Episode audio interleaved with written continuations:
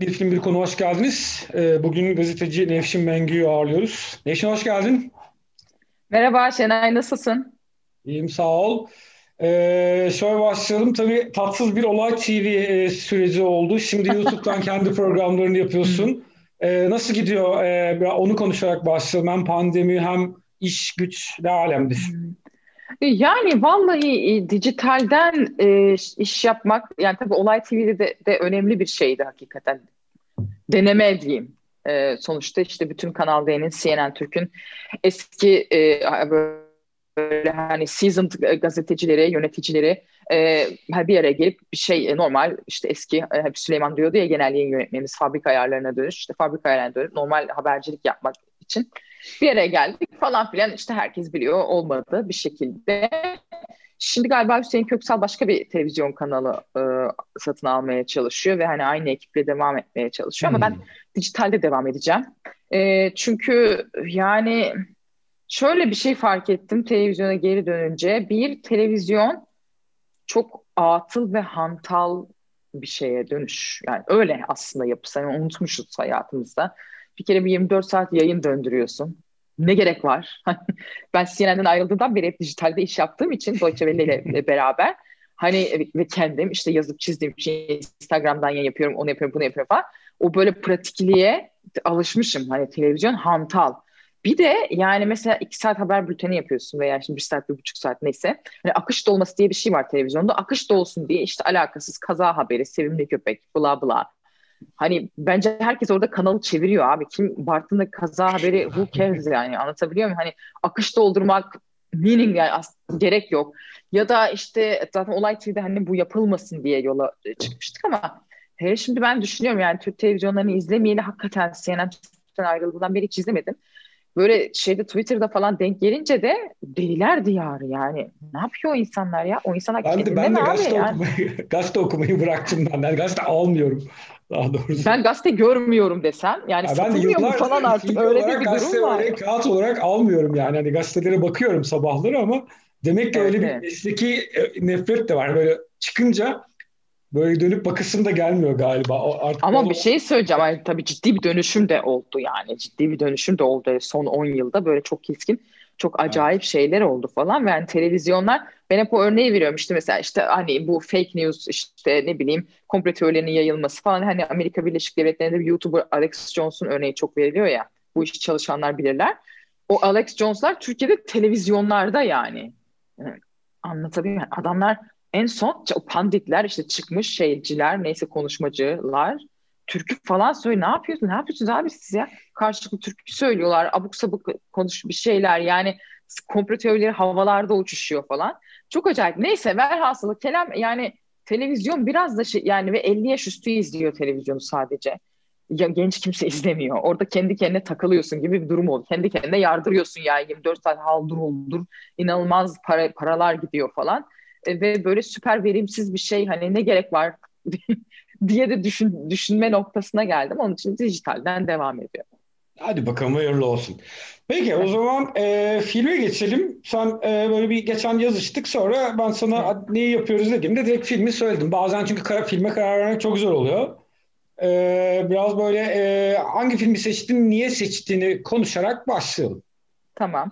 Aşkar Ferhade'nin Codaye Nadire Simin yani ayrılık diye geldi Türkiye'ye. İşte Nadire Simin'in hani ayrılığı, boşanması e, hikayesi. Aşkar Ferhadi böyle İran sinemasının son daha hani sonraki jenerasyon, Mac Melbaf'tan falan bir sonraki jenerasyon diye değerlendirilebilir herhalde öne çıkan e, yönetmenlerinden ben çok beğeniyorum e, filmlerini. Daha sonra işte ne o e, sokak satıcısı filmi de bu şeyden ayrılıktan sonraki filmi o da çok çarpıcı çok etkileyiciydi.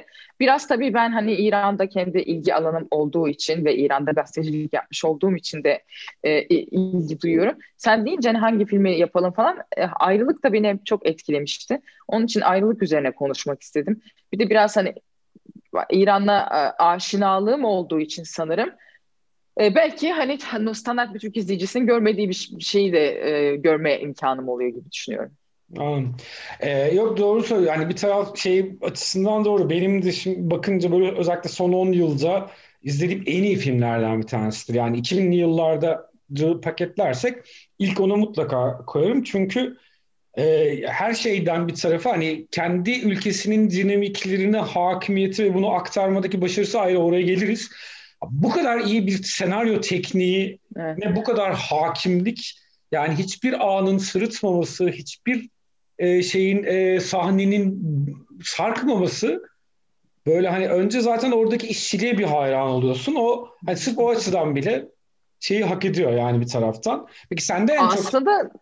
Aslında basit bir hikaye ama işte çok da katmanı var.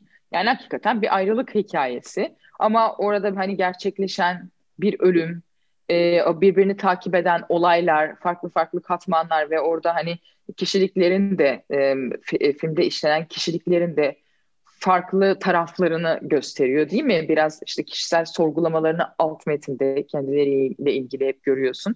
Onun işte herhalde Ferhadi'yi özel yapan da bu. E, basit bir şeyin içerisinde bize çok katman sunabilmesi mi diyeyim? Ben hani uzmanı gibi değilim. E, yok zaten hani bir, e, öyle uzun bir analiz yapmaya gerek yok zaten. Yani kendi gördüğün yerden mesela şeyleri sen mesela e, şimdi tek, ben teknik olarak öyle olduğunu düşünüyorum ama mesela bir de hani sosyolojik olarak bir karşılığı var. Sen mesela ona nasıl bakarsın? Çünkü İran'da da bir süre yaşadın, bununla ilgili evet. kitap da yazdın. Şimdi orada mesela evet. bir e, çok böyle bir taraftan bakınca da bize de çok benzeyen bir işte orta sınıf bir aile var. Yani biraz böyle eğitimli ve orta düzey işlerden dolayı orta sınıf aslında. Ee, bir de gerçekten emekçi bir aile var ama onların bir karakteristikleri var. Mesela hani onlara dair ne söylemek istersin? Çünkü mesela Tabii. gözlemlerdi bence. Na Nadir Lesim'in işte e, eğitimli, orta sınıf dediğin gibi bir Tahranlı bir şey. Hani orada Tahranlı olmak da bir hani kentlilik vurgusu İran'da özel bir şey. Tahranlı olmak. E, Tahran'da oturuyorlar ve hani orta sınıf biraz aslında dünyanın herhangi bir yerinde de yaşayabilir düşünecek olursan Nadir Lesim'in. Hani İstanbul sokaklarında denk gelsek e, belki de yabancı bile demeyiz. Anlatabiliyor muyum? Ya da New York sokaklarında karı koca yürüyüşe çıksalar kimse de bunlar buralı değil demez. Aslında bu işin hani böyle de bir şeysi var. Buna e, şöyle inceleyen siyaset bilimciler var. Global orta sınıf aslında hani böyle bir şey var ve bu sosyal medya mecraları da bunun e, oluşumunu, pekişmesini hızlandırıyor. Hmm. E, çünkü iletişim çok artıyor aslında. Hani belki işin bu tarafı. Ve daha sonra işte Nadir'in e, Alzheimer'lı babası, Alzheimer'lı babasına kim bakacak meselesi. Ben hep orada aslında şunu düşündüm. Şimdi mesela İran İslam devrimi tabii ki yapıldıktan yapılırken insanlara bir söz veriyor. Neyin sözünü veriyor? İran e, yeraltı kaynaklarıyla zengin bir ülke. İşte petrolü var, doğal gazı var hakikaten. Şimdi dünyanın üçüncü, üçüncü, dördüncü büyük rezervleri İran'da. Fakat Şah işte bu paraları harbur parman savuruyor, halka e, vermiyor. Ve İran İslam devriminin sözü aslında bu kaynakları halka ayırmak. E, onun içinde çok yakın zamana kadar e, işte benzin neredeyse bedavaydı İran'da mesela ama tabii çok düşük kalite çünkü e, işte Çin'in tesislerinde falan ya rafine edildiği için inanılmaz düşük kalite ama neyse yani hani benzinin bedava olması, kaynakların bedava olması aslında hani böyle bir refah devleti e, vaat etmişti insanlara. Ama mesela Nadir'in bak babasını e, e, yerleştirebileceği, gönül rahatlığıyla baktırabileceği bir kurum yok yani. Hani dolayısıyla İran İslam devrimi o vaat etmiş olduğu işte sosyal devlet, kaynakların halka ayrılması, ihtiyacı olana e, dağıtılması sözünü aslında yerine getirilmemiş olduğunu bir anlamda anlıyoruz. E, Semih yurt dışına yerleşmek istiyor. Çocukları var, yani kızları diyor ki yani çocuğum burada büyüsün istemiyorum. Ve hatta boşanmaya gittikleri zaman mahkemede de bunu söylüyor. Niye boşanmak istiyorsunuz diyor. E diyor çocuğum burada mı büyüsün diyor. Orada işte Simi'nin aslında rejimle yüzleşme anı. E, ve hakikaten İran'da böyle bir şey var. Bir yanda rejim, devlet. E, ve e, halkı, İran'ın orta sınıf halkı rejimle hakikaten ortak hemen hemen hiçbir noktası olmayan milyonlarca insan aslında böyle bir gerçek var. Yani orada devletin soğuk yüzü yani devletle vatandaş arasında ne kadar büyük bir uçurum olduğunu anlıyoruz ve orada diyor ki yani ne varmış ki burada diyor e, ve Simi tabii orada cevap vermiyor. Yani orada ne olduğu çok aşikar değil mi? Orada ne olduğu çok aşikar ama işte böyle hani orada rejimle bir karşı karşıya ve rejimin de tabii ki orta sınıfa mesafeli bakışı e, anı görüyoruz ve Nadir de babasına daha sonra işte e, ayrılıyor Sim'in e, yani boşanamıyorlar. Hakim diyor ki boşanmanıza gerek yok sizin diyor. E, boşanamıyorlar ama Sim'in babasının evine gidiyor. Nadir de babasına bakmak için. E, daha işte fakir, daha yoksul, daha e, alt orta sınıf ve çok dindar bir genç kadın buluyor ve hikaye böyle devam ediyor. Orada şey yine fark mesela filmin mesela İngiliz İran'daki hani orijinal adı hani e, Nadir Simi'nin ayrılığı ama Türkiye'de mesela bir ayrılık diye gösterildi. E, evet. İngilizce adı da öyle separation diye gösterildi. Sanki daha doğru gibi çünkü sadece aslında Nadir'le Simi'nin değil de böyle toplam olarak böyle hani sadece o e, ne derler e, bir mesela rejimin de ayrışmaya başlaması sadece mesela o orta sınıf aile değil e, şey de sorunlu. Alt sınıf aile de sorunlu. Yani adam borç batağında sorunlu bir eleman. Kadın işte faturaları ödeyebilmek için hamileyken çalışmak durumunda. Hani sen de hani de, demin dedin ya hani e, Nadir'in babasına bakamayan rejim aslında yoksulları da hani başka türlü bir şeye e, sürüklemek durumunda kalmış. Dolayısıyla böyle çok daha genel anlamında bir ayrılık şeyine doğru düşüyor. Aslında böyle hani rejimle... Ya evet çok doğru. Doğru. Fakat şeye de aynen ama şöyle bir şey bak bu bize çok tanıdık gelecek. Hakikaten öyle İran halkı çok yoksul ve çok şey olmasına rağmen hakikaten ciddi yeraltı kaynaklarına hakim olmasına rağmen halkın parası hiç yok.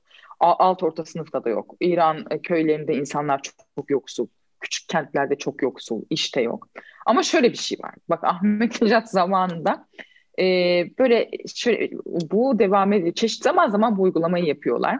Çok yoksul insanların banka hesabına bir miktar para yatırıyor. Yani işte Türk lirasıyla bin lira, iki bin lira gibi düşün mesela. Tamam mı? Yani yoksul olduğunu söylersen gidiyorsun başvuruyorsun. Tamam diyor rejim sana bin lira veriyor falan. E, hatta Ahmet Necat tavuk falan dağıtmıştı böyle böyle şeyler yapmıştı, kampanyalar yapmıştı. Bu şimdi bence bize tanıdık gelecek. İşte aa makarnaya falan makarnacılar falan demiyorum ama şimdi e, bazı e, hani ne bileyim mesela Kuzey Avrupa ülkelerindeki gibi oturmuş işte bir sosyal devletin olmadığı otokratik sistemlerde rejimler e, vatandaşın yani kendi sadık rejimin taşıyıcısı vatandaşlarının kendilerine sadakatini biraz da böyle sağlıyor. Yani mesela bu böyle sisteme oturtulmuş bir yoksul yani yoksul insanlara diyelim ki ne yapar sosyal devlet olsa belki yoksul insanlara sertifika programları açar değil mi? Onlara bir meslek edindirir. Onların iş bulmasını kolaylaştıracak şekilde önlerini açar. Yani yatırımcıyı teşvik eder mesela. Hani insanlara 500'er biner lira vermektense yatırımcıyı teşvik eder. İşte belli yerlere çok yoksul kentler varsa atıyorum oraya yatırım yapacak kişiye belki bir vergi kolaylığı sağlar. Oradaki insanların bu üretime katılması için bir takım eğitim programları düzenler falan. Yani insanlara balık tutmasını öğretir. Ama otokratik rejimlerin bu işine gelmediği için onun yerine e, işte böyle insanlara 300'er 500'er lira verip bir, bir de şunu sağlamış oluyorlar. Bak biz gidersek bu 300-500 lirayı da alamayabilirsin. Ha ona göre. Yani biraz da hani İran rejimi de işte o kendi o yoksul insanların sadakatini e, sağlamasının Hani bir yolu da bu. Bunu da göz ardı etmemek evet, lazım. Burada da zaten Ama daha... E, şey daha sadık mesela hani gelen e, kadın. Tabii. Hani mesela Çok işte babanın, bir kadın. babanın dedenin yani e, altını temizlemenin e, günah olup olmadığını açıp soruyor e, mesela hani günah olmadığı Şeyi merak ettin mi? Diyor. Kimi Sonra. açıp soruyor? Mesela kimi açıp soruyor? Merak ettin mi? Yani bir sanırım bir kurul var. Bir yani bir danışma hattı gibi bir şey var galiba. Hani e, Aynen yani... bak şimdi hani var. Orada Kum kenti var ya İran'ın işte kutsal yani aslında hani Necef'in yerine hani Necef Irak'ta kaldığı için benzerini kum yapmışlar. Kum kentinde işte bir takım neyse bunların akademiler var falan filan. Ve orada mollaların ofisleri var abi. Normal hani böyle çok gittim geldim kum kentinde ben. Normal küçük plazalar düşün. Anladın mı? Hani bizde olur ya mesela kağıthane tarafı falan gibi tamam mı? Orada böyle küçük işte yeni şeyler var. Orada ofisi oluyor bu mollaların. İşte sekreteri, mekreteri falan. Ee, e, orada din adamları devletten para maaş almıyor. İşte bağışlarla insanlar neyse para yatırıyor. Fakat bu mollaların böyle danışma hatları var. Ee, ve insanlar bütün gün arıyorlar. Genellikle de soru, hep, sorular hep hani bununla biraz dalgada geçir. Seksle ilgili yani öyle seks yapsak günah mı, böyle seks hmm. yapsak günah mı falan. ya da işte böyle gündelik hayata dair şeyler. Bu böyle telefonları çalıyor. Böyle bir alo fetva hattı gibi. Orada da mollalar yok günah değil. Şunu yapsan Anladım. olur böyle yapsan olur falan diye şey diyor. E, ve evet bakıcı kadın da öyle bir mollayı arıyor. E, bir şey arıyor. Yani oradan bir meşruiyet arıyor. Hani yaşlı bir adama bakıyorum. Böyle böyle altına çiş yapmış.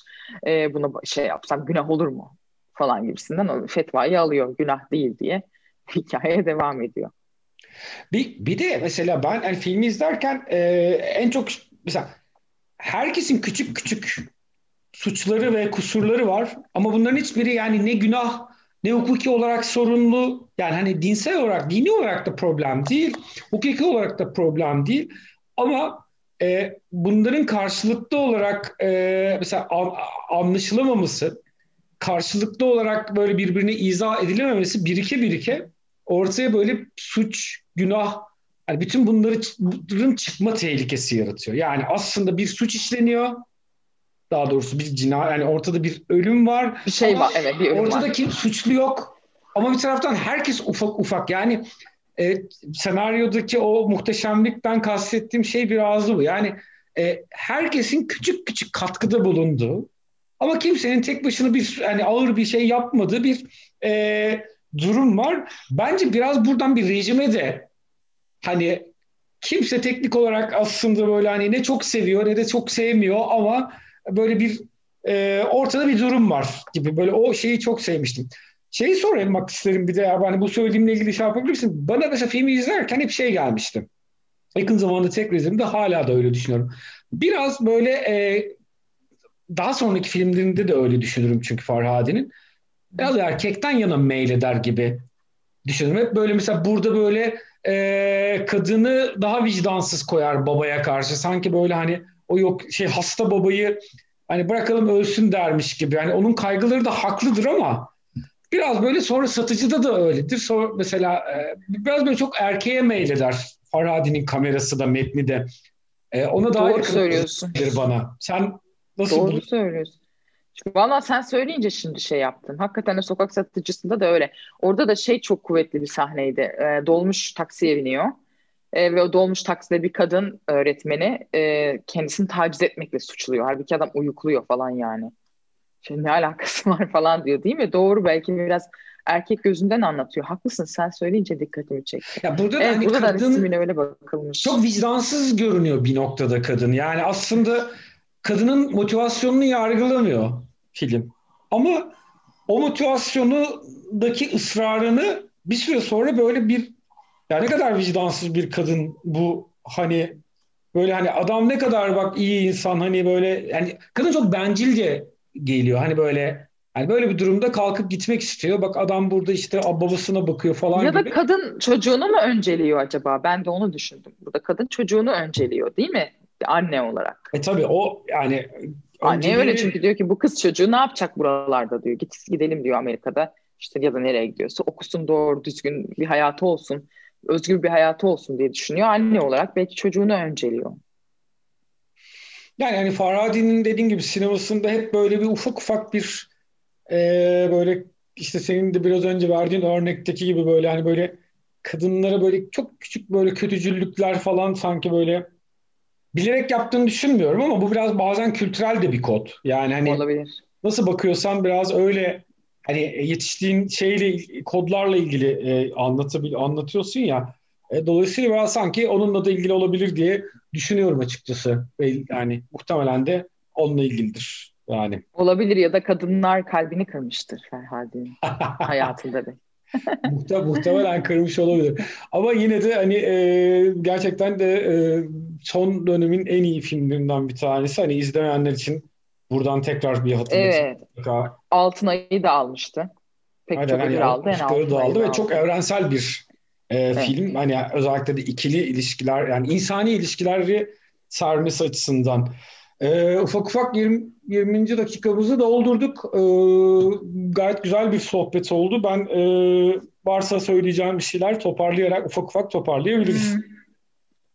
Valla e, ha bu tabii film bir de bir belirsizlikle bitiyor. Kız küçük kız Terme e, en son işte e, son sahnede şey görüyoruz ikisi siyah giymiş değil mi? E, Nadire'de, Simin'de e, mahkemeye siyah giyinerek gelmişler. O da herhalde baba vefat etti. Alzheimer'lı baba herhalde göndermesi var. Yani Şii kültüründe siyah giymek şeyde e, yaz döneminde. Boşanıyorlar ve e, mahkeme soruyor kıza kiminle kalmak istiyorsun? Anneyle mi diyor, babayla mı kalmak istiyorsun?